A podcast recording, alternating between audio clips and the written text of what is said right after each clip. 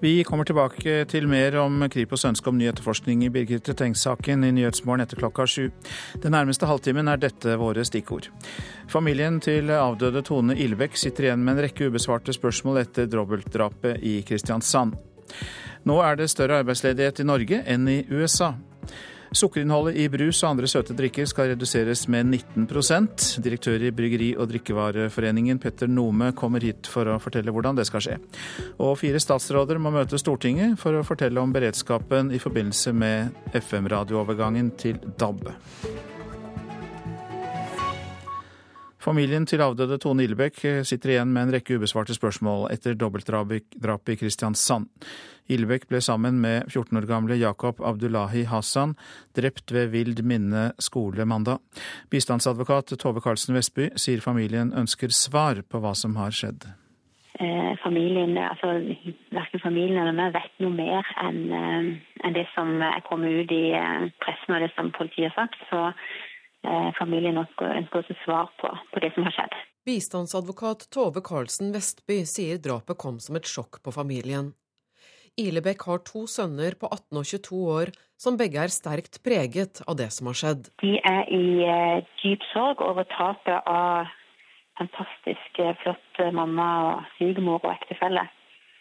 Det var en veldig nær og tett familie, så tapet og sorg er veldig, veldig stort det hele fremstår jo eh, veldig uvirkelig, og det er helt uforståelig at eh, det kunne skje. Politiet opplyste på pressekonferansen i går ettermiddag at de fortsatt står uten mistenkte i saken. I går kveld var et hundretalls personer til stede i Vågsbygd kirke for å minnes 14 år gamle Jakob Abdullahi Hassan. Han var elev ved Fiske og ungdomsskole i Kristiansand. Rektor ved Fiskå, Oddvar Vik, forteller at ungdom fra hele byen var til stede. Fra andre sida av byen og, og, fra denne sida av byen, og de, de, opplever at de ønsker å stå sammen. Kirken holdt oppe hele dagen for pårørende og andre som ønsket å minnes de drepte. Etter ønske fra de berørte var pressen ikke til stede. Kapellan i kirken Mia Ottersen forteller hva som skjedde. Ungdommer har kommet eh, inn og tent lys, sittet stille, pratet sammen, grått. Eh, og nå klokken seks så hadde vi en liten samling der eh, PP-tjenesten og kriseteamet ansatte fra fisk og skole og helsesøstre og ansatte fra kirken har vært til stede. Mange ungdommer har kommet, eh, og også voksne, for å komme sammen i sorgen. Ottersen forteller også at mange av ungdommene har hatt vanskelige spørsmål. Det er viktig å samles i sorgen for å kunne være sammen, rett og slett prate sammen om det som har skjedd. Stille de vanskelige spørsmålene, selv om man kanskje ikke har svarene. Gråte sammen, sitte stille sammen, tenne lys. Har det vært mange vanskelige spørsmål? Ja, det er mange ubesvarte spørsmål som er vanskelige. Det er det. Reportere Kristine Næss Larsen og Martin Sontag. For første gang siden 1995 har Norge høyere arbeidsledighet enn USA. Det skapes ikke nok jobber til et voksende antall nordmenn i arbeidsfør alder, og dermed øker ledigheten. Senioranalytiker Erik Bruse i Nordea sier fenomenet er uvanlig. Ja, det pleier ikke å være sånn. Vi pleier å ha en lav ledighet. Nå har AKU, altså arbeidskraftsundersøkelsen SSB, ledigheten der har økt veldig mye. og det er jo en refleks at USA er på vei mot normalen. Kanskje nå har arbeidsledighet litt under normalen. Mens vi har jo en høyere arbeidsledighet fordi vi er blitt rammet av oljekrisen. Det er uvanlig at norsk ledighet er høyere enn den i USA, sier senioranalytiker Erik Bruse i Nordea. Men amerikansk økonomi er på opptur, mens den norske har stagnert. USA har mer enn halvert andelen arbeidsledige siden finanskrisen, mens Norge nesten doblet antall arbeidsledige i den yrkesaktive delen av befolkningen. 4,9% av arbeidsføre nordmenn er arbeidsledige, ifølge den siste arbeidskraftundersøkelsen til Statistisk sentralbyrå. Den måler hvor mange som anser seg som arbeidsledige, og viser høyere tall enn Nav-tallene, som måler dem som aktivt har registrert seg som ledige. I USA er andelen 4,6% arbeidsledige i november, viser nye tall fra amerikanske myndigheter. Når det gjelder norsk økonomi, så venter vi at eh, aktiviteten gradvis tar seg opp. Men anslagene våre ligger eh, noe på nedsiden av anslagene vi ser fra de offentlige institusjonene, som Norges Bank og Statistisk sentralbyrå. Seniorøkonom Kyrre Omdal i DNB Markets sier arbeidsledigheten vil øke i Norge også neste år, men bare litt fra 4,8% i gjennomsnitt i år til 4,9% neste år. Jo, vi venter en utvikling i norsk økonomi der eh, veksten tar seg forsiktig opp. Men oppsvinget ser ut til å bli veldig tregt. Eh, og det er ikke sterkt nok til å greie å få inn i arbeidslivet alle de menneskene som ønsker å være der. Så der tror vi arbeidsledigheten kommer til å stige litt. Reportere Hedvig Bjørgum og Sindre Heyerdahl. Og vi har ikke glemt avisen i dag heller. Dette er hva de har på forsidene. Forpleiningsselskapet Sodeco glemte å betale pensjon for flere av sine ansatte i 20 år, skriver Stavanger Aftenblad. Direktør Jan Øyvind Jørgensen sier de jobber på spreng for å finne ut hvor mange som er rammet. Ifølge avisa kan det utgjøre opptil 700 000 kroner i tapt pensjon for noen. Veien ut av oljekrisa blir tyngre enn Norges Bank har antatt, sier sjeføkonom Bjørn Roger Wilhelmsen i investeringsfondet Norkinn til Dagens Næringsliv. Han sier at veksten har stagnert i stedet for å tilta. Nei og atter nei, skriver Klassekampen om regionreformen. For lokalpolitikerne bestemmer, ligger det an til at bare trønderfylkene slår seg sammen. For politikerne i ett eller flere fylker i andre foreslåtte regioner, som Innlandet, Vestlandet og Skagerrak, de har sagt nei. Oslo får dobbelt så høye bomsatser som Bergen, skriver Bergens Tidende. Når det nye bomregimet i Oslo trer i kraft, vil bilistene i hovedstaden måtte ut med det dobbelte av bilistene i vestlandshovedstaden. Også andre storbyer, der er det foreslått å øke bompengene pga. kollektivprosjekter. De Putin-vennlige tar makten i land etter land, er oppslaget i Aftenposten. Vestens tøffe linje står for fall, tror flere eksperter. Land som USA, Hellas, Bulgaria, Ungarn, Slovakia, Frankrike og Italia har fått eller kan få Putin-vennlige toppledere. Både Dagbladet og VG omtaler mysteriet rundt dobbeltdrapet i Kristiansand. Politiet står fortsatt uten konkrete mistenkte, men Dagbladet skriver at de har konkrete spor. Ytringsfriheten er i krise så lenge vi har islam, sier karikaturtegneren Thomas Knarvik til Vårt Land.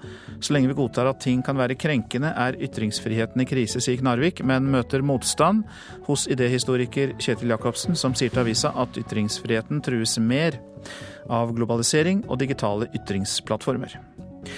Alan Walker har på ett år gått fra å lage musikk på gutterommet til å spille for tusenvis rundt i verden, kan vi lese i Bergensavisen.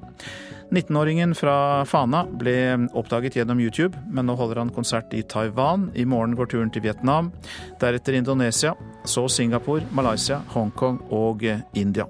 Før han skal hjem til Bergen, altså.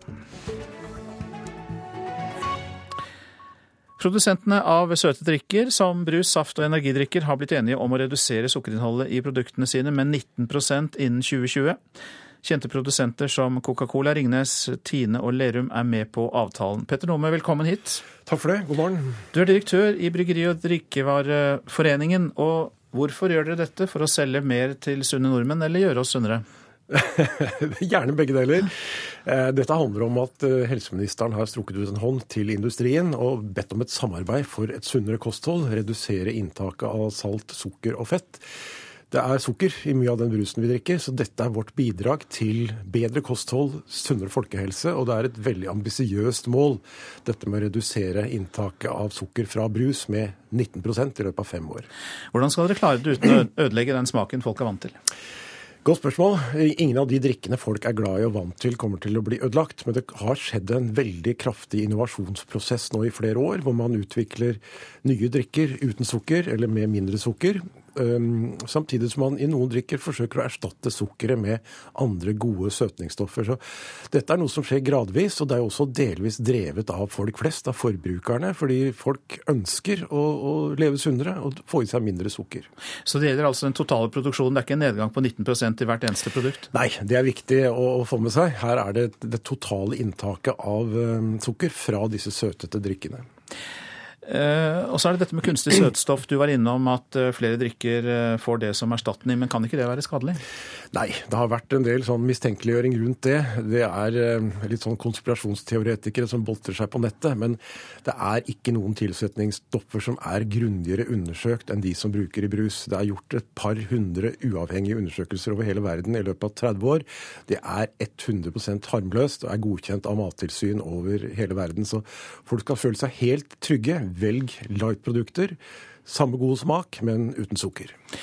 19% reduksjon i sukker i den totale produksjonen. Altså, det er ikke akkurat noe rundt tall. Hvorfor lander dere på 19? Det høres litt rart ut, men det foregikk på den måten at disse fire produsentene som du nevnte, de, de regna på hva de sjøl trodde kunne bidra med i løpet av denne femårsperioden. Sendte inn tallene til en revisor, som så gjorde beregninger ut fra hvor store volumer de har, hvor mye sukker de har i dag osv. Og så ble dette eh, resultatet, og jeg tror alle ble litt sånn, fikk litt hakeslepp, for man hadde ikke trodd det skulle bli så mye. Så disse produsentene har dratt på, de er ambisiøse. Og vel, revisoren kom fram til 18,8% og da runda vi like å ta til 19 eh, Det er det ambisiøse målet innen 2020. Men til slutt, du representerer jo også bryggerinæringen. Eh, er det også ølprodukter som kan trenge en reduksjon i sukkerinnhold? Det skjer mye på ølfronten også. Altså det, det kommer jo stadig nye produkter med lavere kaloriinnhold, lavere sukkerinnhold og flere alkoholsvake og alkoholfrie drikker. Men i denne sammenheng så er det mye viktigere at det skjer noe på andre produkter med sukker. Og da tenker jeg på sånn som frokostblandinger, sjokolade, godteri, pålegg, iskrem, sånne ting. Altså Bare 15% av det sukkeret vi får i oss, kommer fra brus. De øvrige 85 kommer fra det andre, så nå regner vi med at også alle andre produsenter setter seg ambisiøse mål. Så nå peker du litt videre mot andre bransjer, Petter Nome? Ja, her er det et samarbeid mellom produsenten og handelen, og det skal gå bra, tror jeg. Mange takk skal du ha, direktør for Bryggeri- og drikkevareforeningen, eh, Petter Nome. Det er Nyhetsmorgen du lytter til. Klokka nærmer seg kvart på sju, og vi har disse hovedsakene. Kripos ber politiet i Vest politidistrikt etterforske drapet på Birgitte Tengs på ny. Den 17 år gamle jenta ble funnet drept på Karmøy i Rogaland i 1995. Mer om det etter klokka sju. Og det har vært et kraftig jordskjelv i Artsje-provinsen i Indonesia. Til nå er det meldt om 25 omkomne i ett av de berørte distriktene. Politiet i Bolivia har pågrepet sjefen for selskapet som eide flyet som styrtet i Colombia for en uke siden. De ønsker å avhøre han. 71 eh, mennesker døde i den styrten. Nå om at eh, blinde og svaksynte barn ekskluderes fra nasjonale prøver i engelsk, og det er fordi prøven er så visuelt utformet at det er umulig for en som er blind å delta. Og Blindeforbundet reagerer. De vil ha tilrettelagte prøver. Ti år gamle Remi Kleiv i Kviteseid i Telemark får ikke ta denne prøven, til tross for at han har et sterkt ønske om det. Ringen er av gull. Skriv gull. Ti år gamle Remi Kleiv fra Kviteseid leser og skriver punktskrift fordi han er blind. Han ser ikke på seg selv som annerledes, og prøver å gjøre det alle andre barn gjør. Som f.eks. å sykle til skolen. Det er ikke mye jeg er redd for å prøve. Men da nasjonale prøver i engelsk for femte trinn ble holdt i høst, fikk ikke Remi eller andre blinde og svaksynte barn være med. Til tross for at skolen og foreldrene ønska det, var det ikke mulig, sier mor Aina Marie Kleiv. Den er for visuell. Skal han ta seg en avhengig av eh, en person til å hjelpe seg, og den personen må hjelpe såpass mye at det da vil det ikke, det vil ikke bli noe resultat ut av Remi sin kunnskap. Helt siden Remi ble født, har hun kjempa for at han skal få like muligheter som andre barn. Hun er opprørt og sint over at myndighetene ekskluderer sønnen fra prøvene. Det sårer meg langt inn i hjerterota at eh, min gutt eh, pga. sine utfordringer eh, med å være synshemma skal ekskluderes fra det å få lov til å ta nasjonale prøver i engelsk. Blindeforbundet reagerer kraftig på at blinde og svaksynte ikke får ta prøva i engelsk. Dette er et stort problem, sier Sverre Fuglerud, seksjonsleder for samfunnskontakt i Blindeforbundet. Det vi mener man bør gjøre her, er bare å stille krav om at disse prøvene må utformes på en sånn måte at alle skal kunne ta dem. Statssekretær i Kunnskapsdepartementet Magnus Thue sier at han vil sørge for at blinde og svaksynte får mulighet til å ta de nasjonale prøvene i alle fag. Dette er noe vi nå vil se nærmere på, sånn at også blinde og svaksynte elever skal kunne ta nasjonale prøver i engelsk, slik som alle andre. Reporter, det var Solfrid Leirgul Øvrebø. For første gang kan en person som ikke tilhører den eh, politiske eliten i Romania, bli valgt inn i parlamentet. Det er valg på søndag, og Julian Bulai, som eh, til vanlig arbeider i Norge, har vendt hjem for å stille som kandidat for partiet USR, Unionen for å berge Romania.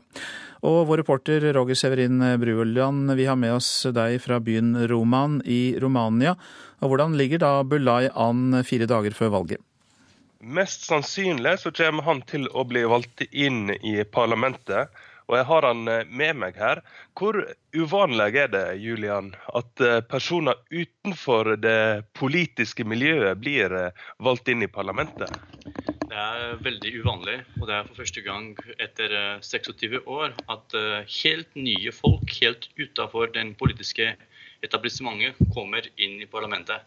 Og vi er en bevegelse av uh, unge, lovende uh, folk som har studert i utlandet, som har uh, jobbet for forskjellige selskaper i utlandet, har jobbet i utlandet, som kommer tilbake for å engasjere seg i politikken i Romania. Vi syns det er veldig viktig.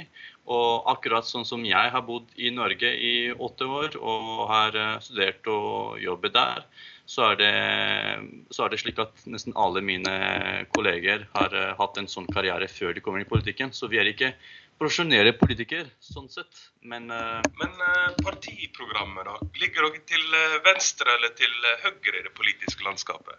Altså, I rumensk politisk landskap så er dette mindre relevant. Uh, ja, altså For at nordmenn skal forstå hvor vi ligger an, så er vi kanskje nærmest venstre. Men vi er ikke Eh, ideologisk betinget. Vi syns at ideologi egentlig ødelegger for vårt uh, engasjement. Ja, hva er det dere skal kjempe for, da? Nei, Det er noen veldig enkelte saker som mot korrupsjonsarbeid og en dyp reform av statsadministrasjonen, helse og utdanning. Det er de viktigste sakene vi må kjempe for, og det trenger vi ikke noe bestemt ideologi for.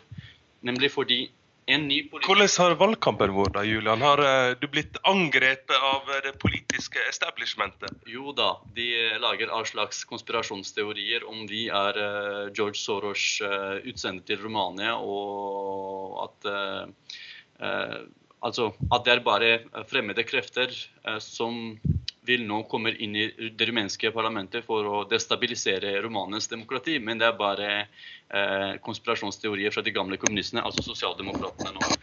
Som du hører, Øystein, eh, det er litt dramatikk i valgkampen. Og det kan komme ei eh, lita, men viktig endring i Romania.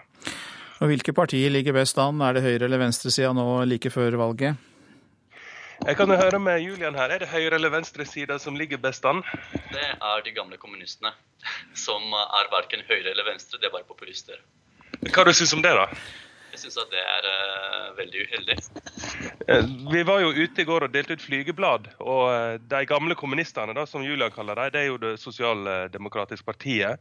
De trenger ikke å dele ut flygeblad, for de har allerede de, sine støttespillere låst i sitt grep. Så, så det er egentlig um, de nye partiene som må ut og overbevise nye velgere. Iallfall her vi er, som ligger på østflanken av Romania og, og mot republikken Moldova, og vi ligger jo tett på, på Krim og Russland her. Takk skal eh, dere to ha. Julian Bulai, altså, som stiller som kandidat ved valget i Romania, og vår reporter eh, Roger Severin Bruland. Flere nordmenn tar opp arven etter musikkproduksjonsteamet Stargate. Norske produsenter og låtskrivere blir stadig mer ettertraktet blant store artister internasjonalt.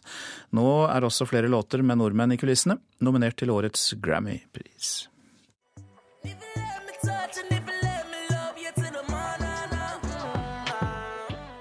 Tory Lanes synger en av årets mest populære låter, 'Love'. I går ble den også nominert til Grammy-pris, men det du kanskje ikke vet, er at det er en nordmann som står bak. Kashmir Cat kaller han seg, og er en av flere norske produsenter som nå har slått seg opp internasjonalt. Det, det er helt sånn undeniable at, uh, at, nordmenn har vært viktige for uh, elektronisk musikk de siste årene. Uten tvil. Det sier Peder Losnegård fra Haugesund, eller Lido, som er produsentnavnet hans. Folk er vant til at nordmenn er flinke nå. Liksom når man sier at man er, man er, nordmann i USA, så tenker folk med en gang at å, den, denne personen vet hva han gjør.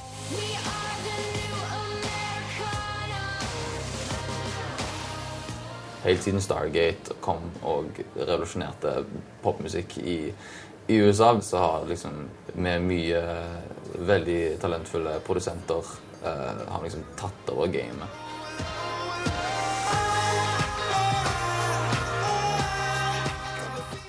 Denne Coldplay-låta er det norske Stargate som står bak. Også Gisle Stokland, som er stasjonert i Los Angeles for eksportorganisasjonen Music Norway, ser at det er arva etter Stargate, som nå viser seg på hitlistene. Og jeg ser at veldig mange norske kommer etter.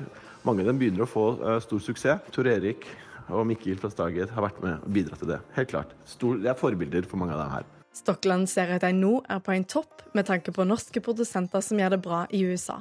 Kashmir Cat er nominert til to Grammy-priser i år. Nummer to for låta 'Wolves'. Han har produsert for Kanye West. Hvis vi ser på uh, alle utgitt musikk her i USA og, og ser på creditsene som står der, så er det jeg tror aldri vært flere nordmenn som har vært involvert i sånne store produksjoner. Det skjer i mye større grad nå enn før. Altså Det er store stjerner som, som kan virkelig velge fra øverste hylle hvem de vil. Så går de for, for norske unge, unge, gutter og noen jenter. Det, det er selvfølgelig veldig stor stas. Jeg tror skandinaviere generelt sett alltid har hatt en spesiell teft for melodi. Spesielt i liksom engelskspråklig musikk, hvor det ikke er vårt første språk, så lener vi oss heller på den melodiøse siden. Og det er jo det som snakker til mennesker flest. Og reporter var Ruth Einervold Nilsen og Lisa Stokke. I dag må fire av regjeringens statsråder møte på Stortinget for å forsikre om at beredskapen blir opprettholdt ved radioovergangen fra FM til DAB-nett. I 2011 så ble det vedtatt at FM-nettet skal stenges og DAB skal overta. Alle partiene på Stortinget utenom Frp gikk inn for det.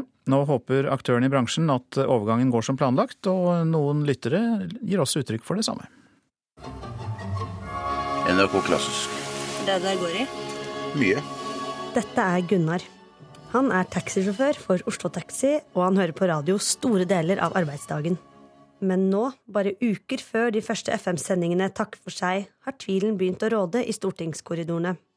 Og i dag må fire statsråder møte opp for å forsikre om at beredskapen med DAB er god nok.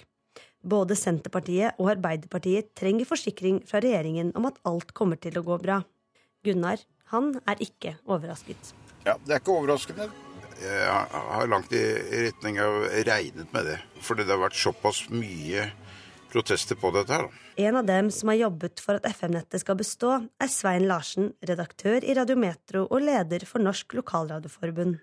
Selv mener jeg at dette, denne beslutningen skulle aldri vært tatt på den måten den er blitt uh, tatt. Han har hele tiden vært imot nedleggingen av FM-nettet, men nå mener han det er for sent å snu. Vi mener at nå er det for sent å utsette en beslutning. Investeringen er gjort, beslutningen er tatt. Alle aktørene har forberedt seg på det. Å snu i tide hadde vært å snudd i juni 2015.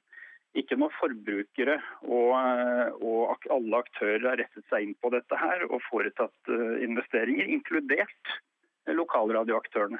Til nå har altså stortingsflertallet gått inn for slukking av FM-nettet, og kringkastingssjef Tor Gjermund Eriksen tror det vil fortsette på denne måten. Jeg ser jo ikke noen tydelige tegn på at eh, flertallet i Stortinget eh, skifter. Eh, det tyder jo nå på at, at dette går etter planen. Dette er jo en, en, litt krevende prosess å gjøre et sånt stort teknologiskifte. Men blir du bekymret når det blir så mye her frem og tilbake, så tett opp til Jeg, jeg blir ikke bekymret, men det er, det er klart at vi, vi, Første slukking er i Nordland 11.1. Det er 5-36 dager til. Eh, vi kan ikke leve veldig lenge med usikkerhet rundt dette. Derfor er jeg veldig glad for at eh, Stortinget har kasta seg rundt, kan man si, og skal behandle saken i dag. Reporter her var Mari Sand Malm. Slukking av FN-bane er også tema i Politisk kvarter i dag, programleder Lilla Sølhusvik. Ja, de fleste trodde jo i går at forslagene om å stoppe eller utsette slukkingen av FM-nettet skulle bli stemt ned med stort flertall i Stortinget. Men så snudde altså Arbeiderpartiet og ville ha flere svar. Og spørsmålet nå er om FrPs statsråder med ansvar for beredskap til lands og til vanns er enig med sin egen stortingsgruppe i at beredskapen ikke er god nok for å gå over til DAB. Fremskrittspartiet skal ha gruppemøte nå i morges klokka åtte. De vil ikke stille i debatt i Politisk kvarter, men det gjør kulturministeren, som vil slukke, Arbeiderpartiet som nå er usikre, og Senterpartiet som vil utsette det hele.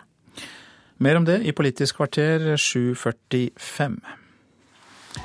Så noen ord om været. Fjell i Sør-Norge får i dag en overgang til regn og mildvær som kan gi glatte veier. Østafjells nedbør som starter med sludd eller snø på det indre Østlandet, men raskt går det over til regn, og regn som fryser på bakken også der kan skape glatte veier i innlandet da særlig. Sørvestlig oppe i liten kuling på kysten. Så går vi til Vestlandet og Trøndelag som vi ser samlet, og det blir nedbør som snø i indre deler av Trøndelag. Ellers kommer det meste som regn. Vestlandet sør for Stad får lokalt mye nedbør, særlig da i Sogn og Fjordane. Vind fra sør, seinere sørvest, og til dels liten kuling på kysten, opp i sterk kuling ved Stad. Og Vi går til Nord-Norge, som får vestlig kuling i dag. Mest vind på kysten vest i Finnmark, men minkende vind siste del av dagen. Og det blir bygevær, mest som sludd eller snø, men regn i lavereliggende strøk i Nordland. Og så til slutt Spitsbergen. Der blir det stort sett oppholdsvær. Vi tar med oss noen temperaturer målt klokka fire. Svalbard lufthavn minus 14, Kirkenes minus 9, Vardø minus 5. Så kommer noen plussgrader her. Alta 2, Tromsø-Langnes 1. Bodø og Brønnøysund begge 6. Trondheim, Værnes og Molde begge 0. Bergen-Flesland 4, Stavanger 6, Kristiansand-Kjevik 0. Gardermoen minus 2, Lillehammer minus 10. Røros er nede i minus 16 i dag, og Oslo-Blindern 0 grader. Du lytter altså til eh, Nyhetsmorgen, og du skal få høre mer om eh, at Birgitte Tengs-saken, eh, etterforskningen der, skal gjenopptas etter krav fra Kripos. Det er Cold Case-gruppa, altså gruppa for uoppklarte saker, som krever det. Mer om det etter klokka sju.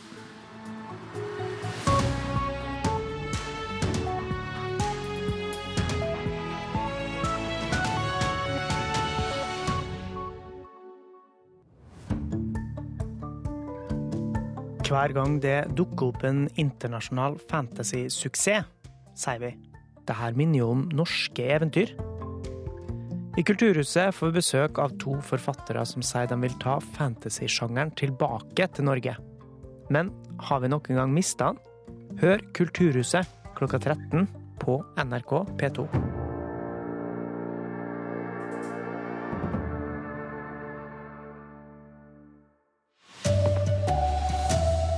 Det blir eh, trolig ny etterforsking i den 22 eh, år gamle Birgitte Tengs-saka. Og nå skal det bli mindre sukker i brus og saft. Her er NRK Dagsnytt klokka sju. Kripos ber nå eh, politiet i Sør-Vest politidistrikt om å starte en ny etterforsking av drapet på Birgitte Tengs. 17-åringen ble funnet død like ved heimen sin på Karmøy i Rogaland i 1995. I løpet av det siste året har Kripos i Eining for gamle uoppklarte saker gått gjennom alle dokument i den snart 22 år gamle drapssaka.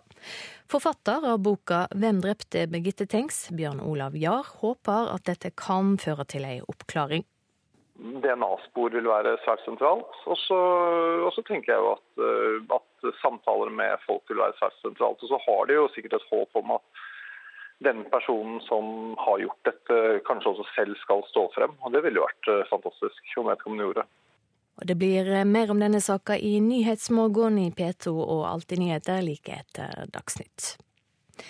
Det har vært et kraftig jordskjelv i Aceh-provinsen i Indonesia i dag tidlig. Til nå er det kommet melding om 25 omkomne bare i ett distrikt. Det undersjøiske skjelvet hadde en styrke på 6,4, men det er ikke sendt ut tsunamivarsel. Flere titalls mennesker er savna. Redningsarbeidet er vanskelig. Det skal bli mindre sukker i brus, saft og energidrikker. Produsentene er samlet om å redusere sukkerinnholdet med 19% innen 2020. Det sier Petter Nome i Bryggeri- og drikkevareforeningen. Dette handler om at eh, helseministeren har strukket ut en hånd til industrien og bedt om et samarbeid for et sunnere kosthold, redusere inntaket av salt, sukker og fett. Det er sukker i mye av den brusen vi drikker, så dette er vårt bidrag til bedre kosthold, sunnere folkehelse, og det er et veldig ambisiøst mål, dette med å redusere inntaket av sukker fra brus med 19% i løpet av fem år. Det har skjedd en veldig kraftig innovasjonsprosess nå i flere år, hvor man utvikler nye drikker uten sukker eller med mindre sukker. Samtidig som man i noen drikker forsøker å erstatte sukkeret med andre gode søtningsstoffer. Så det er 100% harmløst og er godkjent av Mattilsyn over hele verden. Så folk skal føle seg helt trygge. Velg light-produkter. Samme god smak, men uten sukker. Mobilgiganten Samsung må likevel ikke betale 3,36 milliarder kroner i bot for å ha kopiert Apple sitt eh, iPhone-design. Det er klart etter at eh, en samrøystes høyesterett i USA har omgjort en tidligere rettsavgjerd. Dette er en siger for Samsung og for alle som fremmer kreativitet, innovasjon og rettferdig konkurranse, sier det sørkoreanske selskapet. NRK Dagsnytt, Silje Sande. Her i Nyhetsmorgen kan du straks høre mer om at Kripos ber politiet gjenoppta etterforskningen av drapet på Birgitte Tengs i 1995. Og du får også mer om jordskjelvet i Aceh-provinsen i Indonesia fra vår Asia-korrespondent. Kommunene her hjemme skal få mer ansvar for øyeblikkelig hjelp mot psykiske lidelser og rus, men Rådet for mental helse tviler på om kommunene klarer det. Donald Trumps eh, mange signaler i ulike retninger skaper usikkerhet om USAs kommende utenrikspolitikk. Og førerløse biler kan være klare for veiene våre i løpet av fem år, og det kan gjøre dyre motorveier unødvendige. Ja, som hørt i Dagsnytt, Kripos ber politiet etterforske drapet på Birgitte Tengs på ny. Den 17 år gamle jenta ble funnet drept på Karmøy i Rogaland i 1995. Kripos ber om ny etterforskning etter at enheten for uoppklarte saker har gått gjennom alle dokumenter i den snart 22 år gamle drapssaken. Ei mainått i 1995 forsvant idyllen fra en øde og vanligvis stille kjerrevei på Karmøy. 17 år gamle Birgitte Teng, som bodde rett i nærheten, var funnet drept. Saken ble henlagt etter år med etterforskning, og nå ber Kripos om at saken får en ny etterforskningsrunde. Det er på tide, for å si det sånn. Det er jammen på tide. Grete Strømme jobber på politikontoret i Haugesund på slutten av 90-tallet. Siden 2005 har hun dykka ned i alle detaljer rundt drapet på Birgitte Tengs, som privat etterforsker. Jeg forventer at de ser veldig mye av det samme som jeg har sett. Det er DNA-ekstrakter som må retypes med nye metoder. Det er faktisk en del eh, gjenstander som er funnet på åstedet, som ikke er undersøkt. Helt klart andre spor i saken som ikke er fulgt opp. Drapet på Birgitte Tengs er den første saken til Kripos sin cold case-enhet, som ser på gamle, uoppklarte saker. I ett år har de gått ned i alle dokument om drapet på Karmøy i 1995, Rapporten er nå klar, og konklusjonen deres er at Sør-Vest politidistrikt bør gjenoppta drapssaken og etterforske på ny. Klokka tolv i dag blir det pressekonferanse om saken i Haugesund. Kripos skal informere om arbeidet og hva de mener politiet nå bør ta tak i. Cold Case-rapporten blir ikke offentlig, og Kripos opplyser at av hensyn til videre etterforskning er det informasjon som blir holdt skjult. Det, det, mest ryddige er jo å ta saken bort fra Haugesund.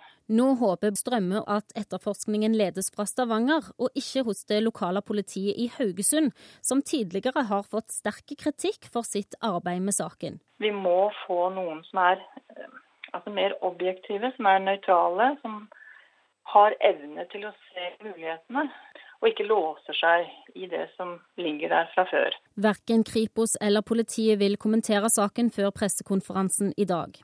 Etter det NRK erfarer, kommer politiet til å ta anbefalingen til Kripos og gjenoppta etterforskningsarbeidet. Sa reporter Cecilie Berntsen Jåsund. Har du et eh, rusproblem eller, et, eh, eller, en psykisk lidelse, så skal kommunene nå kunne tilby deg øyeblikkelig hjelp og en seng på et helsehus hvis du trenger det. De to pasientgruppene skal likestilles med andre pasienter.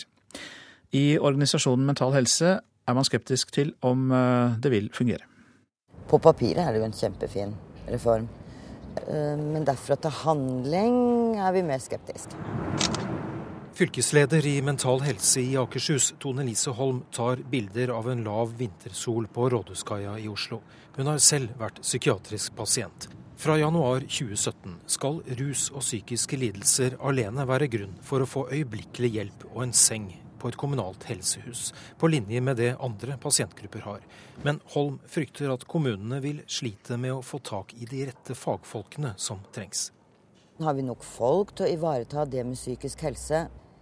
I en sånn type avdeling så bør det være noen som har psykisk helsekompetanse. Vi er på Helsehuset i Askim i Østfold. Her skal man håndtere de nye pasientgruppene på vegne av flere mindre kommuner rundt. Konstituert daglig leder Christian Devold tror det skal gå bra å inkludere rus og psykiatri, og blande dem med de øvrige brukerne. For oss vil det først og fremst kreve å se på hva slags kompetanse vi trenger. Eh, må vi øke vår psykiatriske kompetanse? For i dag så driver vi stort sett med somatikk. Eh, men vi har innenfor de rammene vi har i dag, muligheter for å eh, se på og ta rus og psykiatri inn på helsehuset.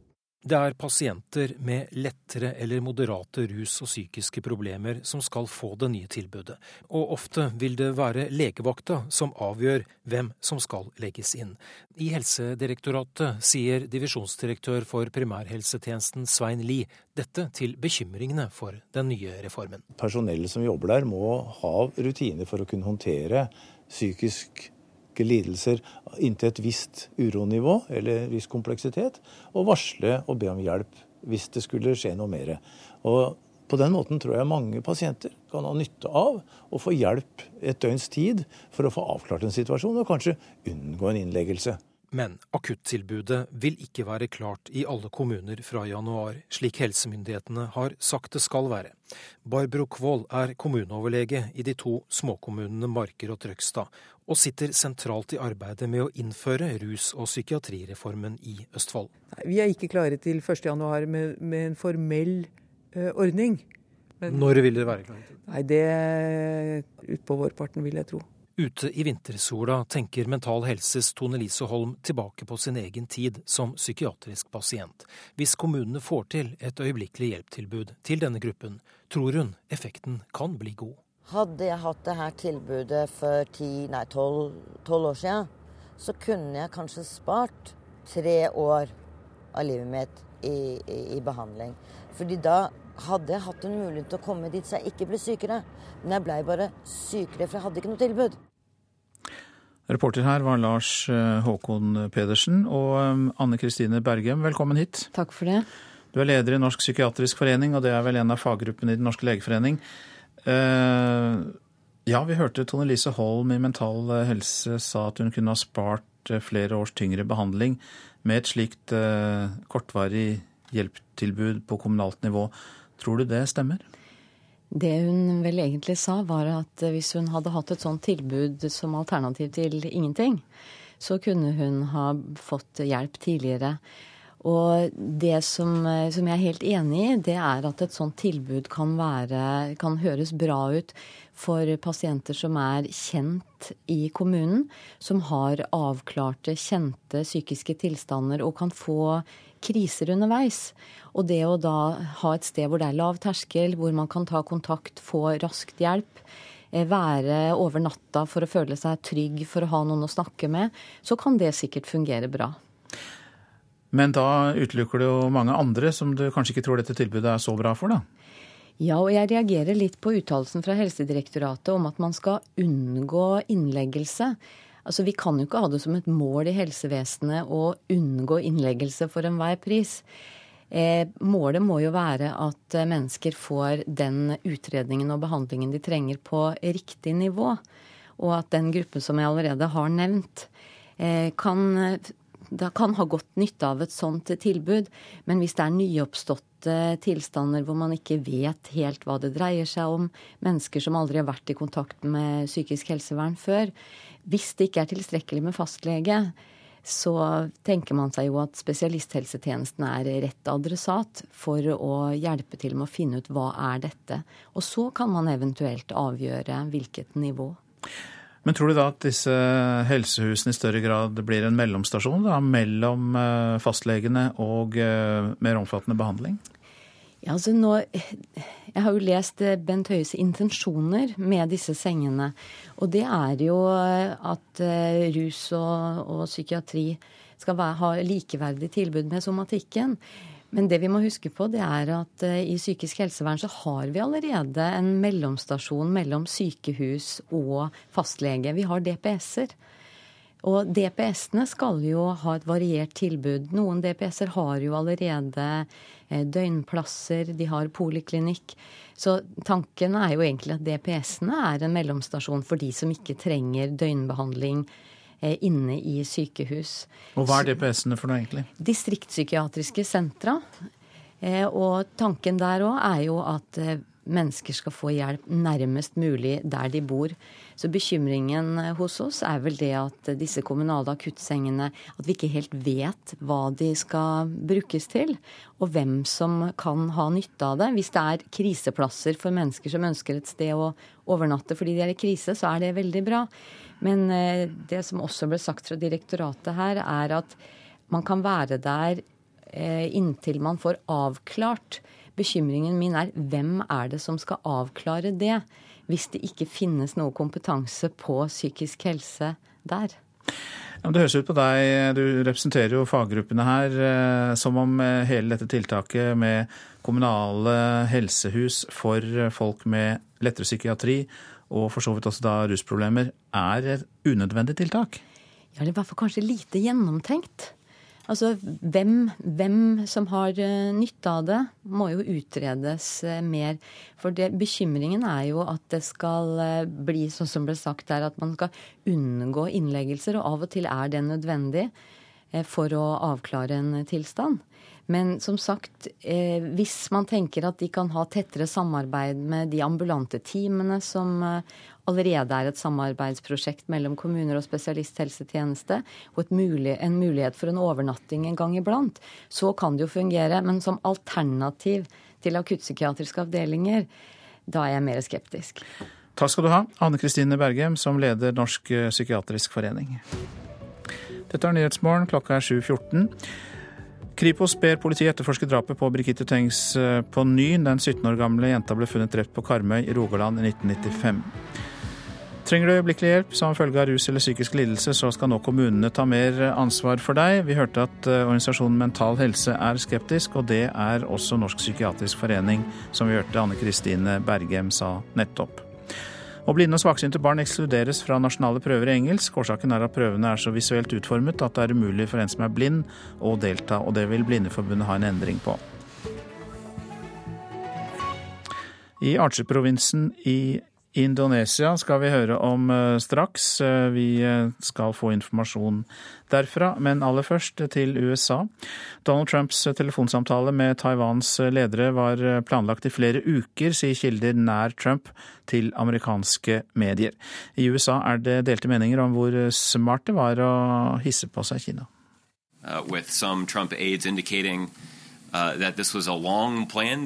President Obamas talsmann Josh Ernest sier at han ikke ser hvordan USA kan dra nytte av telefonsamtalen forrige uke. Exactly det hvite hus lar det være opp til Trumps team å forklare hva de har tenkt. Ikke bare hva strategien går ut på, men også målet, og hvordan USA, Kina og Taiwan kommer bedre ut enn i dag. I'll leave that to them to explain. Det hvite hus har allerede kontaktet Beijing og forsikret om at USAs offisielle politikk fortsatt er ett Kina. Uh, og frykten er at framskritt som er gjort, nå er ødelagt, selv om amerikanerne lenge har hatt nære bånd og forbindelser til Taiwan, USAs niende største handelspartner. Telefonsamtalen forrige uke var den første mellom en taiwansk president og en påtroppende eller sittende amerikansk president siden 1979. Gratulasjonssamtalen førte til en protest fra Kina, som anser Taiwan for å være en kinesisk provins. Kina ber nå USA sørge for at Taiwans leder ikke får mellomlandet i USA når hun besøker Guatemala om en måned.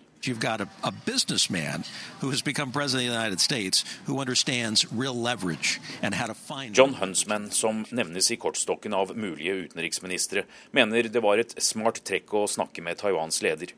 Det gir Trump et overtak og en forhandlingsmulighet, sier den tidligere amerikanske ambassadøren til Kina til NBC. I valgkampen langet Trump ofte ut mot Kina for å manipulere valuta, stjele amerikanske arbeidsplasser og produkter.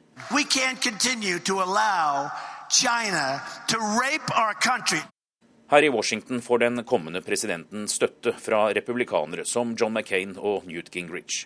Sistnevnte sier til Fox News at Trump sender et veloverveid og sterkt signal til Kina når han bryter den diplomatiske protokollen. This was a deliberate, well thought out, specific signal. He accepted a phone call Gingrich sammenligner telefonsamtalen med president Obamas besøk til Cuba, og sier at Trump nå har markert at det er nye koster i Det hvite hus. Wall Street Journal skriver at telefonpraten mellom Taiwans president og Trump var organisert av Bob Dole, mannen som var det republikanske partiets presidentkandidat for 20 år siden. Fire uker etter seieren er Donald Trump fortsatt den samme som vi så i valgkampen. 70-åringen bruker Twitter til å gå etter Kina, mediene og andre, og har sendt over 115 meldinger etter valget. Men mannen som nå har fått kodenavnet Mogul av Secret Service, har samtidig klart å samle det republikanske partiet. Trump ligger også foran i løypa i antall utnevnelser til den nye administrasjonen og sin innerste krets, om en sammenligner med andre påtroppende presidenter. Anders Tvegård, Washington. Og Hilmar Mjelde, USA-forsker ved Universitetet i Bergen, med oss fra studio der. God morgen til deg. God morgen. Eh, kan dette gi Trump et overtak på Kina, som en av USAs tidligere ambassadører sa i eh, innslaget, altså ambassadører til Kina? Jeg syns det er veldig eh, for tidlig å, å, å, si noe om det ennå. For uh, jeg veit ikke i hva grad man skal tolke det som et uh, utenrikspolitisk initiativ. Det det først og fremst sier noe om, er vel den stilen han vil føre som president, nemlig at uh, altså han vektlegger å være uforutsigbar. Og han tilnærmer seg egentlig internasjonal politikk som en, en slags handelsavtale som skal bringes i land. Han vil gå inn og se på forskjellige bilaterale forhold nå, og vurdere de eh, ett for ett om USAs interesse her blir eh, ivaretatt. Så det blir eh, mer uforutsigbarhet først og fremst framover. Ja, Trump har jo også sagt at han støtter Filippinenes omstridte president Rodrigo Duerte og hans metoder, harde metoder da, i krigen mot narkotika. Er det også et ledd i uforutsigbarheten til Trump? Det kan være det. Altså, igjen Jeg syns ikke vi skal legge for masse i disse uttalelsene, for jeg vet ikke grad, eller vi vet ikke hva grad det er reelle utenrikspolitiske initiativ. Jeg tror de reaksjonene man ser nå internasjonalt, de uh, handler vel så mye om at uh, han ikke er tiltrådt ennå, da. Det er vanlig at en innkommende president begynner å få etterretningsinformasjon, at han begynner å sette opp sin egen utenrikspolitiske stab, men at han ikke involverer seg i uh, reell utenrikspolitikk. Og Det er det som skaper litt av de reaksjonene. Men igjen, mitt hovedpoeng vil være at vi forventer litt reelle utenrikspolitiske initiativ foreligger. Vi holder kontakten med deg, Mjelde. Vi skal innom eh, forholdet mellom Iran og USA også. I Iran er både politikere og folk flest eh, spente på hva de har i vente når Donald Trump tar over. Han har jo sagt at han vil rive i stykker atomavtalen og fortsette med sanksjoner mot eh, landet. Og president Hassan Rouhani sa i går at iranerne aldri vil finne seg i det. Amerikanerne vil forsøke å presse oss så mye de kan. Men vi må stå imot, sa Irans president i går. En mann er valgt i USA. Planen han måtte ha, vil bli avslørt etter hvert. Han ønsker å svekke atomavtalen og rive den i stykker. Men tror dere at vi vil tillate det? spurte president Hassan Rouhani.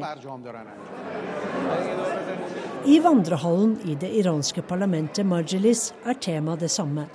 Hva venter iranerne med Donald Trump i Det hvite hus? USA undertegnet atomavtalen i fjor sammen med EU og de faste medlemmene av FNs sikkerhetsråd. Men vil virkelig USA bryte ut og trekke seg fra sine løfter om å heve sanksjonene mot Iran. Iran er et av de landene som virkelig påvirkes av politiske svingninger i USA, sier parlamentarikeren Heshmatullah Falat Pisheh, som sitter i sikkerhets- og utenrikskomiteen i Iran. Prester i lange, flagrende kapper og hvit turban haster forbi. Journalister og parlamentarikere mingler i hallen, der samtalene gir gjenlyd i dette store rommet. President Rouhani vant valget i 2013 på løfter om å bedre økonomien i landet for folk flest. Da må Iran ut av sanksjonenes harde grep og bli en del av den internasjonale økonomien. Men få er optimister her. Amerikanerne har alltid vært uberegnelige. Det er vår erfaring gjennom mange år, sier den folkevalgte Beruz Nemati, som representerer de konservative. Nemati ser ingen forskjell på demokrater eller republikanere. De har støttet den samme politikken, som f.eks. da USA støttet Saddam Hussein under Iran-Irak-krigen, og i alle årene med sanksjoner mot Iran. Nemati mener at Europas uro over den uforutsigbare Donald Trump viser at også europeerne har skjønt det samme som iranerne. Vi er fornøyd med at europeerne begynner å tenke som oss. Nå stoler heller ikke de på amerikanerne. Det vi har sagt i alle år er blitt helt klart med Donald Trump, sier den konservative folkevalgte til NRK. Men til nå har ingen fra parlamentet eller regjeringen i Teheran tatt kontakt med Donald Trumps overgangsteam for å høre hva den nye administrasjonen har i tankene om USAs fiende i snart 40 år, Iran. Dette ifølge avisen Teheran Times. Ja, Sissel Wold var det der som rapporterte fra Teheran. Ja, Hilmar Mjelde, USA-forsker, du er fortsatt med oss eh, fra Bergen. Eh, hvilke følger kan det få da, dersom USA skulle bryte ut av eh, avtalen med Iran? Jeg er ikke så sikker på at det vil skje. For nå er Trump i ferd med å sette opp sitt utenrikspolitiske apparat. Det er det nasjonale sikkerhetsrådet i USA, der selvfølgelig presidenten men òg visepresidenten, utenriksministeren, forsvarsministeren, generalene, etterretningsmiljøet, der de sitter. Altså, Det er da dette nasjonale sikkerhetsrådet i sum kommer fram til som vil bli eh, USAs eh, utenrikspolitikk. Så den er, eh, Trumps utenrikspolitikk er enda i utforming. Og vi vet at han er, han er i, i, sin sjel holdt på å si, en pragmatiker. Og vi skal òg huske at folk som uh, Eisenhower lovte jo, han lovte jo en helt annen utenrikspolitikk. men endte opp med å videreføre Truman sin utenrikspolitikk. Uh, Obama skulle jo uh, skifte helt om i kampen mot terror, men endte opp med å følge W sin antiterrorpolitikk i stor grad. Så inntil videre så tror jeg det vil bli mer kontinuitet enn endring totalt sett i amerikansk utenrikspolitikk. Hva en president lover og hva vedkommende gjør kan være så vidt forskjellig, har du nå um, pekt ut for oss. Uh, Hilmar Mjelde, takk skal du ha, USA-forsker.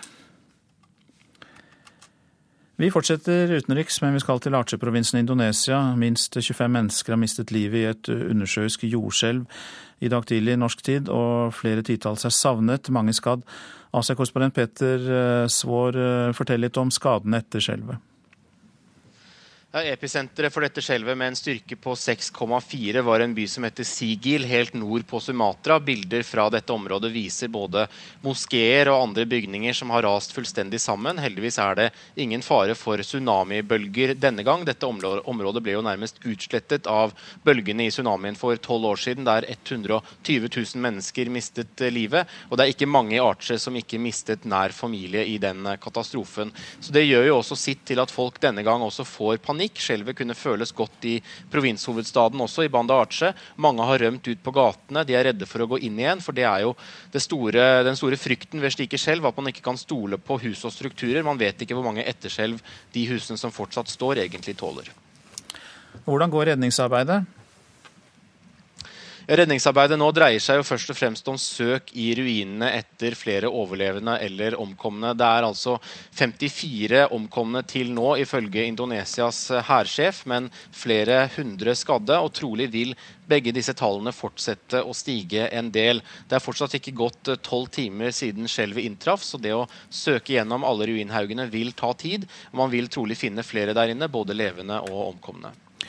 Og det er vel et område med hyppig jordskjelv? Indonesia ligger jo i det som kalles jordskjelvbeltet i Stillehavet, den såkalte ring of fire, som man sier på engelsk. og Jordskjelv eh, her er relativt vanlig. Bare i år har det vært eh, flere skjelv på samme størrelsesorden som dette, også i Indonesia, altså rundt 6,5. Eh, Så dette er noe indoneserne er vant til. Og man er også vant til at det, det er en del skader og omkomne, fordi at byggepraksisen varierer mye, og det er ikke alle bygninger som er veldig godt jordskjelvsikret. Takk skal du ha, Asia-korrespondent Peter Svaar. Det er altså nå eh, meldt om at 54 mennesker har mistet livet i eh, jordskjelvet i Arche-provinsen i eh, Indonesia. Så tar vi også med litt av det avisen er opptatt av. Forpleiningsselskapet Sodeco glemte å betale pensjon for flere av sine ansatte i 20 år, skriver Stavanger Aftenblad. Direktør Jan Øyvind Jørgensen sier de jobber på spreng for å finne ut hvor mange som er rammet. Ifølge avisa kan det utgjøre opptil 700 000 i tapt pensjon for noen. Veien ut av oljekrisen blir tyngre enn Norges Bank har antatt, sier sjeføkonom Bjørn Roger Wilhelmsen i investeringsfondet Nordkinn til Dagens Næringsliv. Han sier veksten har stagnert istedenfor å tilta.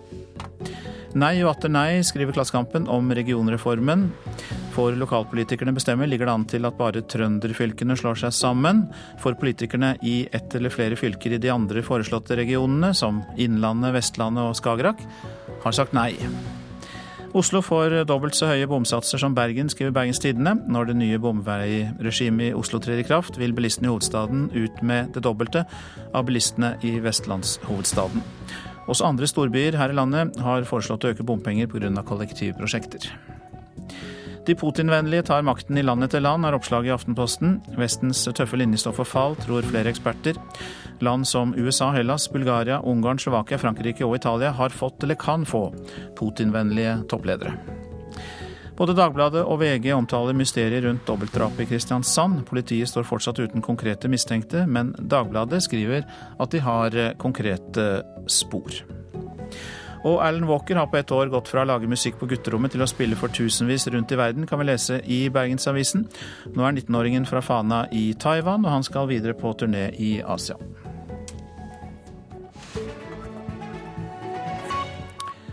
Dette er altså Nyhetsmorgen. Produsent i dag Arild Svalbjørg. Her i studio Øystein Heggen. I reportasjen etter Dagsnytt skal vi høre om kampene i og rundt den irakiske byen Mosul. De kan bli langvarige.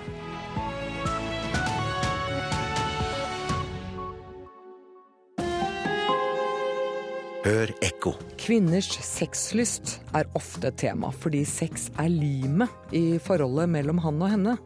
Forskningen påstår det, og nå har de funnet ut at også prevensjonsmiddelet du bruker, påvirker sexlysten.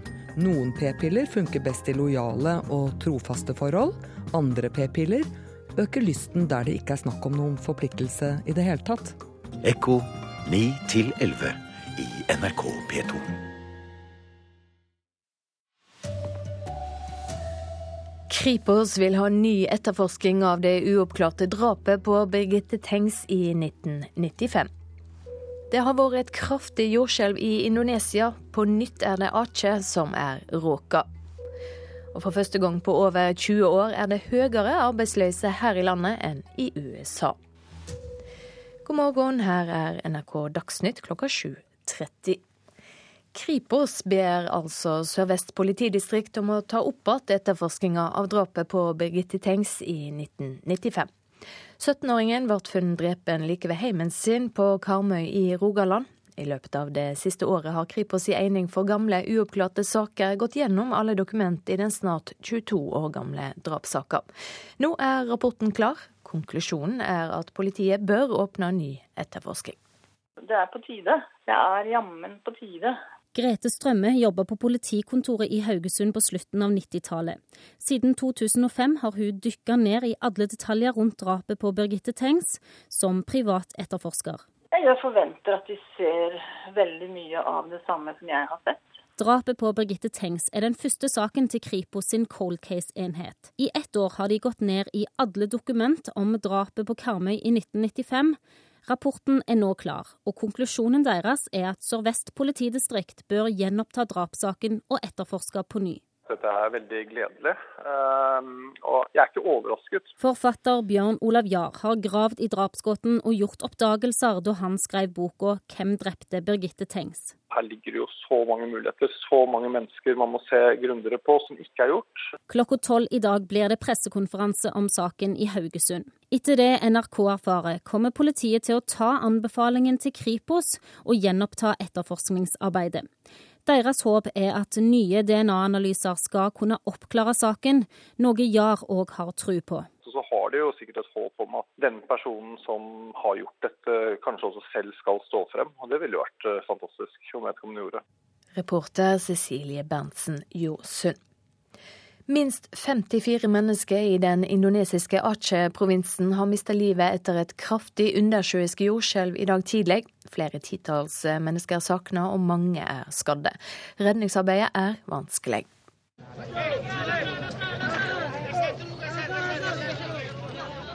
De graver med bare hendene i ruinene. Lokalbefolkningen og redningsmannskapene arbeider side om side etter overlevende i de sammenraste bygningene. Noen steder er det satt inn gravemaskiner for å løfte bort tunge betongkonstruksjoner, men ifølge meldingene fra området er det stor mangel på slike maskiner og heisekraner.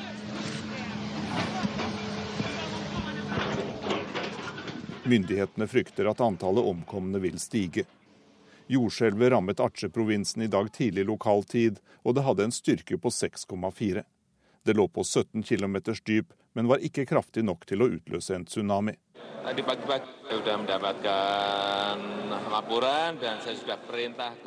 Vi mottok rapporten om jordskjelvet i dag tidlig, og alle statlige og andre organisasjoner har fått ordre om å bistå med all mulig hjelp, sier Indonesias president Joko Widodo. Mange mennesker i Aceh-provinsen oppholder seg nå utendørs av frykt for etterskjelv. I 2004 ble dette området svært hardt rammet av jordskjelvet og tsunamien som kostet 230 000 mennesker livet i en rekke land i Asia. Det sa reporter Jan Espen Kruse.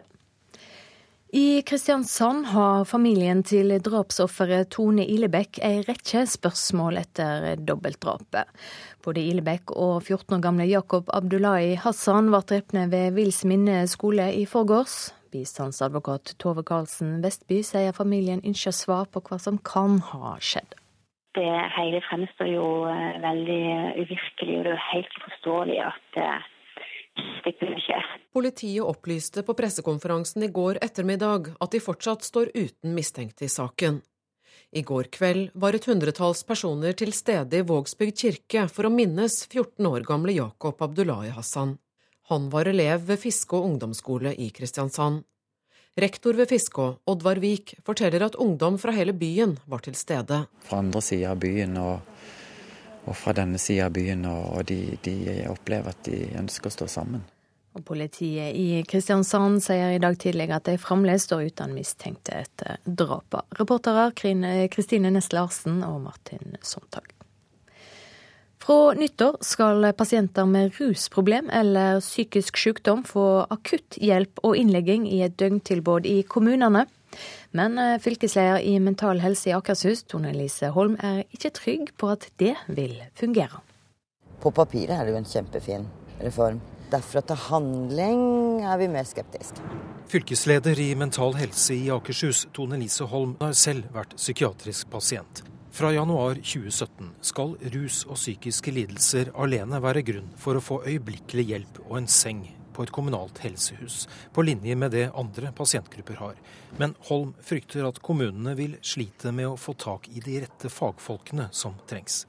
Det her med oppbygginga av det, kompetansen i kommunene. Har vi nok folk til å ivareta det med psykisk helse. Det er pasienter med lettere eller moderate rus- og psykiske problemer som skal få det nye tilbudet, og ofte vil det være legevakta som avgjør hvem som skal legges inn. I Helsedirektoratet sier divisjonsdirektør for primærhelsetjenesten Svein Lie dette til bekymringene for den nye reformen. Personellet som jobber der må ha rutiner for å kunne håndtere psykiske lidelser inntil et visst uronivå eller viss kompleksitet, og varsle og be om hjelp hvis det skulle skje noe mer.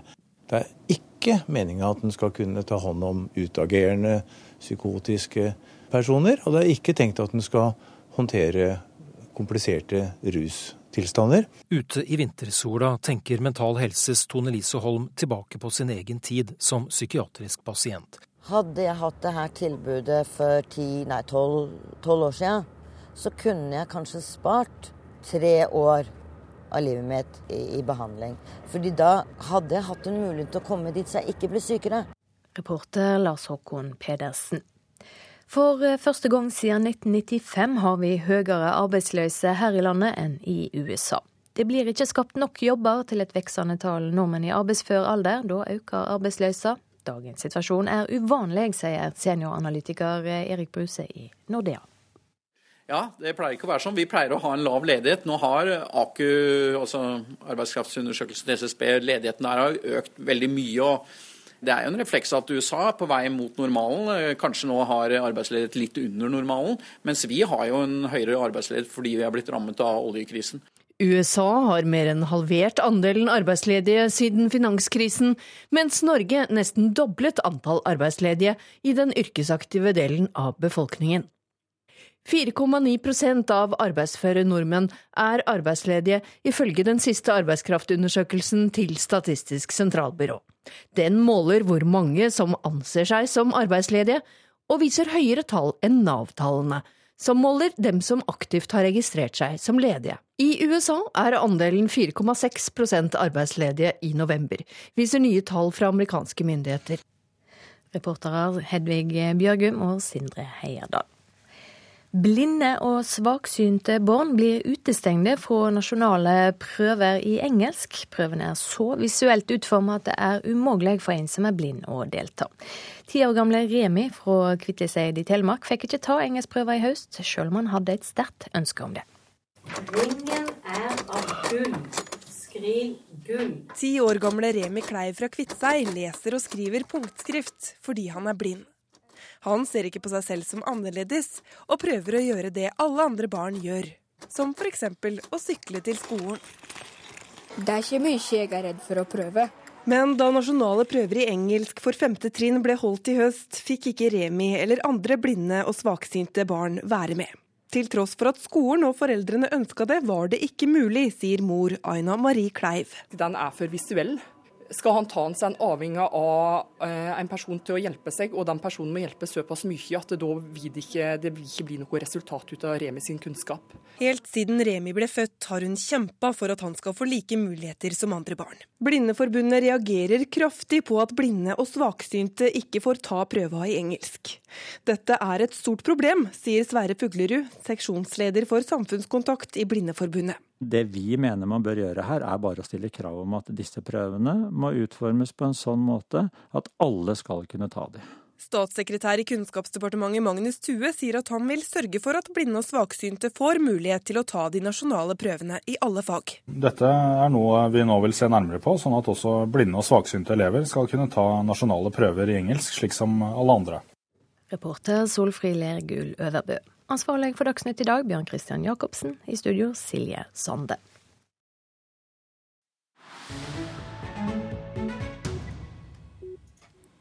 Og det er eh, Nyhetsmorgen du lytter til. Krigen mot IS i Irak tar 500 irakiske og allierte liv hver uke. Kampene om den irakiske byen Mosul kan bli langvarige. For å befri Mosul fra IS, eh, det har ikke vært så lett som man først trodde. Barbeint i søla drar en mann en gammel kjerre etter seg på veien. På lasteplanet har han lagt det han fikk plass til av eiendeler på sin flukt ut av Mosul. Rundt ham går folk med kofferter, bæreposer og kvinner bærer små barn tullet inn i tepper på armen.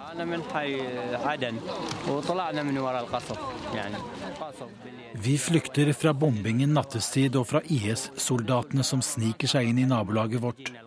Nabolaget vårt er ikke fritt fra IS og deres granater. Vi er redde for barna våre, og vi mangler både vann og strøm, sier en av de som flykter.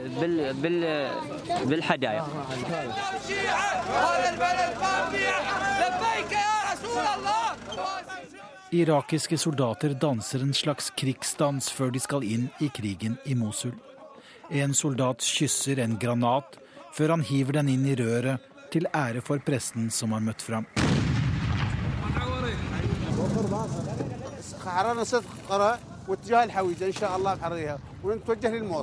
Vi har frigitt seks landsbyer, og nå er vi på vei til Mosul, sier kommandanten deres.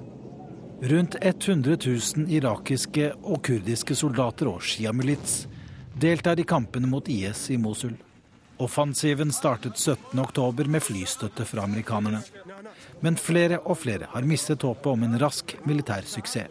The fight in Mosul is not just going to uh, stop anytime soon because the resistance uh, is very strong.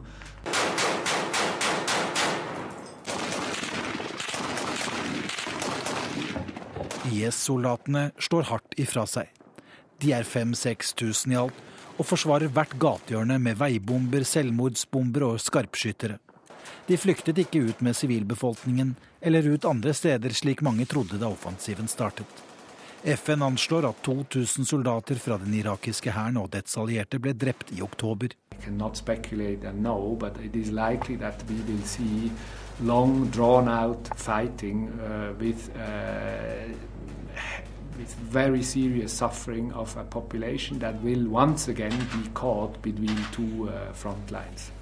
Jeg tror det er sannsynlig at kampene vil trekke ut i tid med den konsekvens at sivilbefolkningen vil lide og på nytt bli fanget mellom frontlinjene, sier Stillart. Mosul er den største byen under IS kontroll. Fortsatt har ekstremistene kontroll med tre fjerdedeler av byen.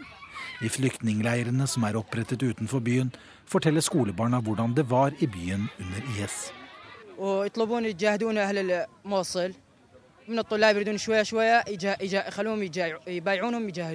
Vi ble bedt om å love at vi kunne ofre oss for krigen.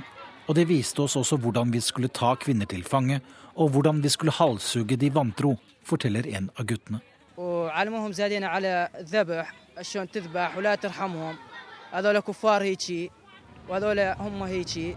De irakiske militære sier nå at det skal åpnes en ny front inn fra sør.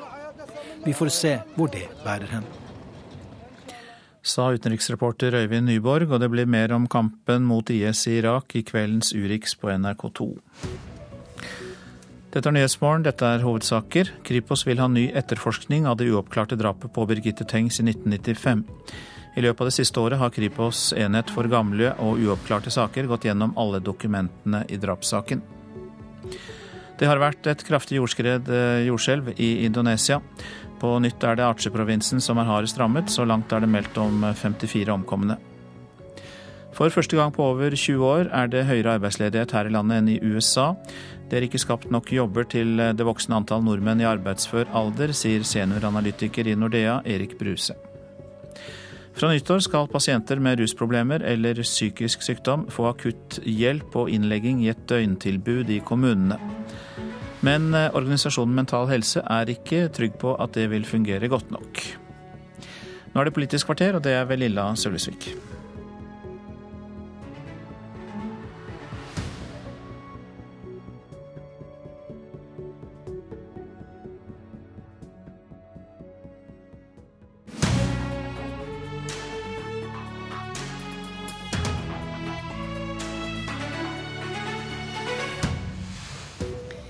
Det er bare en måned igjen til FM-båndet skal slukkes i Nordland.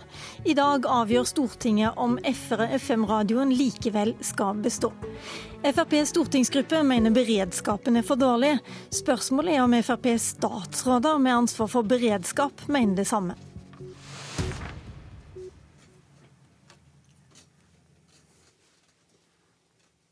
Har du spørsmål om DAB? Jeg skjønner ikke hvorfor de skal bytte, da, men Jeg lurer på når eh, alle tunnelene får DAB. Hva er DAB for noe? Vi har svar. Ja, det har vi kanskje, men ikke helt ennå. Folk som har kjøpt seg DAB-radio, enten til seg sjøl eller kanskje til familien i julegave, fikk seg en liten støkk i går. For det ble ikke noe av det forventa flertallet i Stortinget for at FM-slukkingen skulle fortsette som planlagt. Derimot bestemte Stortinget på forslag fra dere i Arbeiderpartiet Arild Grande, at hele saken skulle utsettes. Du er mediepolitisk talsmann i Arbeiderpartiet. Hvorfor kan denne saken utsettes? Eller hvorfor ble saken utsatt i går? Arbeiderpartiet har sammen med et enstemmig storting slutta seg til eh, de anbefalingene som en enstemmig regjering ga til Stortinget eh, om framdriften i denne saken i 2015. Eh, og Vi har stolt på at regjeringa hadde kontroll på saken. Så opplever vi nå i tolvte time at Fremskrittspartiet, som sitter i regjering, har anbefalt dette for Stortinget. Stiller spørsmål ved beredskapen og sikkerheten. Og Det gjør at vi blir sterkt i tvil om regjeringa har kontroll. Fremskrittspartiet har samferdselsministeren, som har ansvaret for sikkerhet langs norske veier. De har fiskeriministeren, som har ansvaret for sikkerhet langs kysten. Og de har justisministeren, som har det koordinerende ansvaret for sikkerhet og beredskap i, i Norge. Og Når Fremskrittspartiet stiller slike spørsmål, ja, da er vi nødt til å få de statsrådene inn på banen og forklare om det er sånn at beredskapen blir svekka, eller om Fremskrittspartiet på Stortinget tar feil. Så Her er det full splittelse i regjeringen, og da trenger vi at det blir sendt tydelig signal om at regjeringa har kontroll. Men nå spør jeg hva Arbeiderpartiet mener. Dere har jo sagt tidligere, tre statsråder fra Arbeiderpartiet har gått inn for at FM-båndet skal slukkes i 2017. Og da lurer jeg på, Er det sånn at dere begynner å tro at stortingsgruppa til Frp har rett? At kanskje det er noe galt med beredskapen likevel? Det vi undres på, er jo om, om, Fremskrittspartiet er blitt gjort kjent med, i og med at de har disse statsrådene som har ansvaret for beredskap, eh, opplysninger som Stortinget ikke er gjort kjent med. Når all den tid et enstemmig storting har slutta seg til denne prosessen, så har vi stort på at regjeringa har kontroll. Men når det stilles slike spørsmål fra ett av to regjeringsparti, da er vi forplikta til å spørre statsrådene har de kontroll. Er sikkerheten og beredskapen ivaretatt? Og Det forventer vi et tydelig svar på i dag. Og nå skulle jeg selvfølgelig veldig gjerne ha stilt det spørsmålet til både FrPs statsråder og ikke minst stortingsgruppa. Stortingsgruppa de skal møtes nå klokken åtte, og de vil ikke møte i Politisk kvarter først. Det vil heller ikke FrPs statsråder, men det vil du heldigvis, Linda Katrine Hofstad Helleland. Du er kulturminister, og du har jo egentlig ansvaret for hele beredskapen for denne saken. Er beredskapen god nok når du nå vil slukke FM-båndet og gå over til DAB? Ja, det er den. Beredskapen er godt uh, ivaretatt. Ikke minst så fikk vi bekrefta det i en rapport som Direktoratet for sikkerhet og beredskap offentliggjorde på fredagen, der de slår fast uh, helt tydelig at beredskapen er uh, ivaretatt. og Den har vært offentlig, og all informasjon som regjeringa har sittet på, er også Stortinget kjent med. Så i dag når eh, vi skal til Stortinget, så skal vi bare gjenta den samme informasjonen som eh, Stortinget er kjent med fra før. Og vi kommer til å slå fast at eh, beredskapen er ivaretatt. Kriteriene som Stortinget satt for at FM-slukkinga skulle iverksettes, de er innfridd. Nasjonal kommunikasjonsmyndighet nå slår fast at dekningsgraden i DAB-nettet er bedre enn i FM-nettet. Og nå er det en dekningsgrad på 99,7% Det norske folk har jo forberedt seg på at denne slukkinga skal starte 1.1. Husk på at det første vedtaket ble gjort for 16 år siden. Så var det Senterpartiet og Arbeiderpartiet sin regjering sitt prosjekt som har kjørt dette gjennom og fått støtte fra et bredt flertall på Stortinget. Så den usikkerheten som nå skapes, den bekymrer meg. For det handler litt om den forutsigbarheten. Ja, det, det er det nok flere som bidrar til. Det var jo Senterpartiet sitt, sitt for, opprinnelige forslag. Det er jo det som ligger på bordet. Senterpartiet i regjering har vært med å fremme det. Og så er jo et teknologiskifte er jo alltid van, vanskelig. Ja, ja, okay, men forbrukerne har her vært Hva syns du da om regjeringspartiet Fremskrittspartiets eh, forslag? De vil jo ikke utsette, de vil rett og slett stoppe det.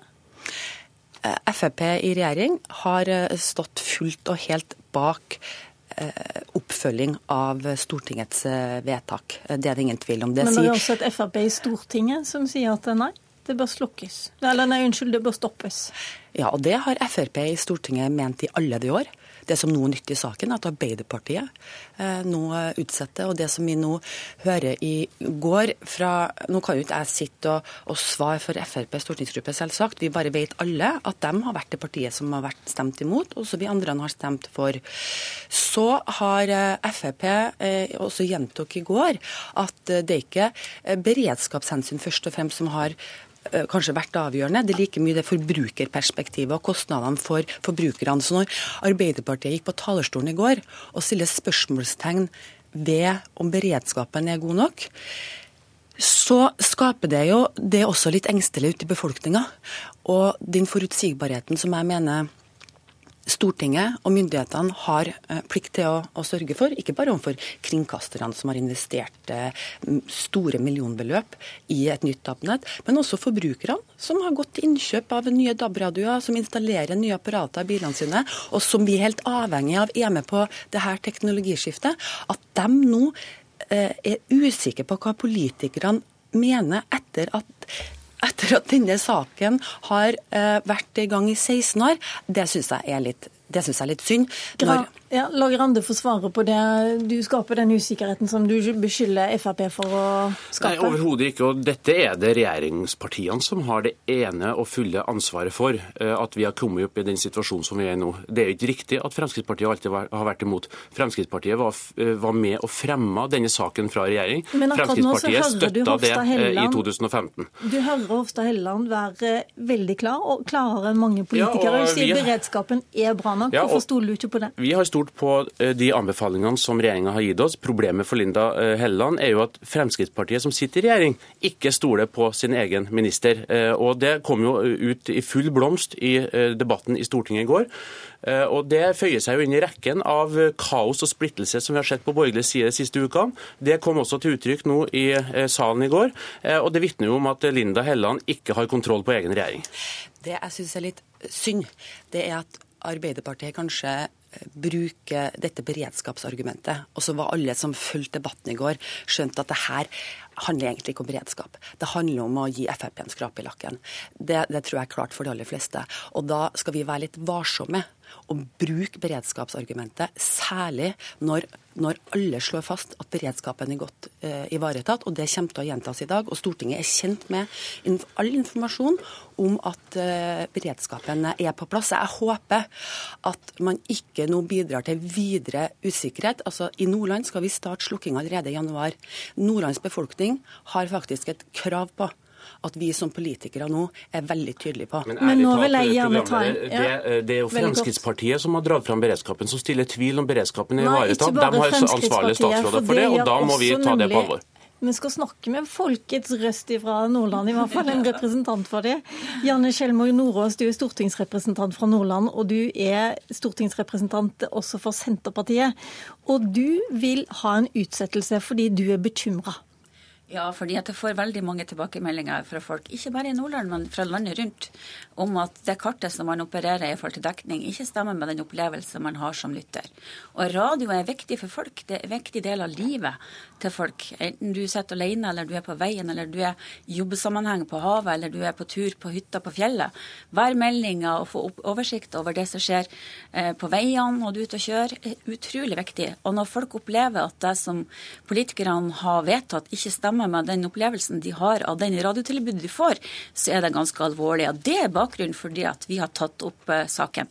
Men hva, til, hva, tror du skal til for at eh, folk blir rolige i forhold til en sånn omlegging? Jeg tror at eh, det er mer som må gjøres i forhold til utbygging. Linda viser til at uh, 99, et eller annet har fått dekning i dag, men det er ikke den folk, folkeopplevelsen er. Og Derfor så må man bygge ut mer. Man må sikre seg at man faktisk har den beredskapsfunksjonen når fiskerne er på havet at du har gode lytteforhold på radioen for å sjekke værmeldinga. Det må sikres at folk som er i fjellet, faktisk får høre værmeldinga før de skal ut og kjøre igjen. Det må sikres at folk eh, kan stole på at de får eh, veimeldinger når de er på veien. Om det har skjedd i trafikkulykke eller det er et ras, et eller annet som har hendt rundt omkring, som har betydning for folk når de er ute og ferdes. Og Ja, Det føler vi ikke at det er god nok eh, sikring på i dag. Vi skal selvfølgelig få høre hva fiskeriministeren mener om fiskerne etterpå, men kanskje du kan si det, Helleland. Har, får fiskerne hørt værmeldinga si? De gjør det, og eh, dekninga til sjøs i DAB-nettet er like bra som eh, FM-nettet. Det, det er jo noen hull i FM-nettet i dag òg, FM-nettet er veldig sårbart. Det er veldig kostnadskrevende å skal vedlikeholde. Og det, det Senterpartiet faktisk foreslår i dag, er jo at vi skal ha to parallelle nett. Det vil koste 200 millioner årlig. Det er sånne som dere i NRK er nødt til å betale for etter at dere har investert eh, store millionbeløp allerede. Så det kommer til å bli enormt kostnadskrevende. Men den bekymringa som Janne Skjelmo Nordås tar opp her, den skal vi ta på alvor. Vi er avhengig av lytterne og at forbrukerne er med på det teknologiskiftet. Når de tar kontakt eh, med bekymringer, så skal vi eh, følge opp det og ta, på, ta det på alvor. Det gjør NRK. Jeg har lyst til å skryte til NRK, som har et callsenter her på Marienlyst, hvor, hvor alle kan, kan ringe, de kan få hjelp. Mm. For vi vet at den største feilkilden det er ikke å få inn signalet, det er feilmontering av adapteret ditt, eller at eh, antenna ikke er jorda. Så det viser seg i de aller fleste tilfellene eh, å være feilkilden, men selvsagt så skal jo nettet utbredes eh, videre. Nå er det litt tungt å avbryte deg som skryter av NRK, men jeg har lyst til å spørre Arild Grande likevel. Eh, nå har jo du på en måte gitt eh, denne saken til de tre statsråder fra Frp som, eh, som har et landsmøtevedtak bak seg på at eh, FM-nettet ikke bør slukkes.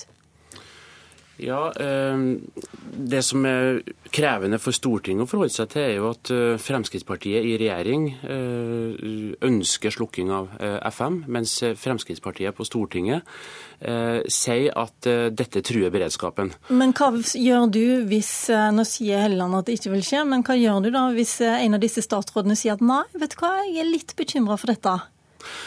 Ja, Hvis det skjer, eh, så tror jeg alle på Stortinget eh, må ta en liten eh, stopp og tenke hva er det som er i ferd med å skje. Jeg forutsetter at Fremskrittspartiets statsråder sier det samme som kulturministeren her, at man trygt kan starte slukkinga fra 11.11, at beredskapen blir styrka. Noe annet vil overraske meg svært, og er jo med på å undergrave noe av det som statsråden har sagt. Men hvis at det som da blir interessant, er om Fremskrittspartiet likevel fremmer sitt forslag om å stoppe dette. Da er jo det i så fall eh, mistillit mot egne statsråder. eh, Og det blir en meget krevende parlamentarisk situasjon å forholde seg til. Eh, Janne, eh, unnskyld eh, Nå glemte jeg navnet ditt i farten her. Janne Skjelmo Nordås, du vil ha en ekstern eh, evaluering nok en gang. Stoler du ikke på det som kommer fra regjeringen? Nei, fordi at kartet stemmer ikke med terrenget. Når tilbakemeldingene er så store fra sør, fra vest, fra Midt-Norge, fra Nord-Norge på at eh, man ikke har så gode lytteforhold, enten har man ikke dekning, eller så skurer det og detter ut. Derfor så mener vi at det er nødvendig med en ekstern evaluering for å se om dekninga er så god som det som er slått fast. Hvis det er rett at signalene egentlig ikke blir kontrollert eh, så så sterkt unnskyld, langs eh, vei som, som det kan se ut for, så burde man faktisk gå igjennom og sjekke at signalene er så, så bra som, som det kartet viser. Og Norges Fiskarlag har jo påpekt veldig tydelig at dekninga til sjøs ikke er så god som kulturministeren sier. Det kom jo nettopp i denne uka en veldig tydelig brev om det. Sånn at det er mange forhold som vi mener eh, bør være på plass før man kan si at dekninga er god. I tillegg så har jo direktoratet Nå må jeg rett og slett sette en strek her, men jeg kan forsikre om at DAB-radioens eh, skjebne blir tema også i Kulturnytt nå etter eh, Dagsnytt. Der får du høre hva kringkastingssjefen, lokalradiolederen og taxisjåføren syns om denne siste DAB-utviklingen. I tillegg kommer politisk redaktør i Dagens Næringsliv, Kjetil Bragli Alstheim. Ansvarlig for Politisk kvarter i dag var Lilla Sølhusvik.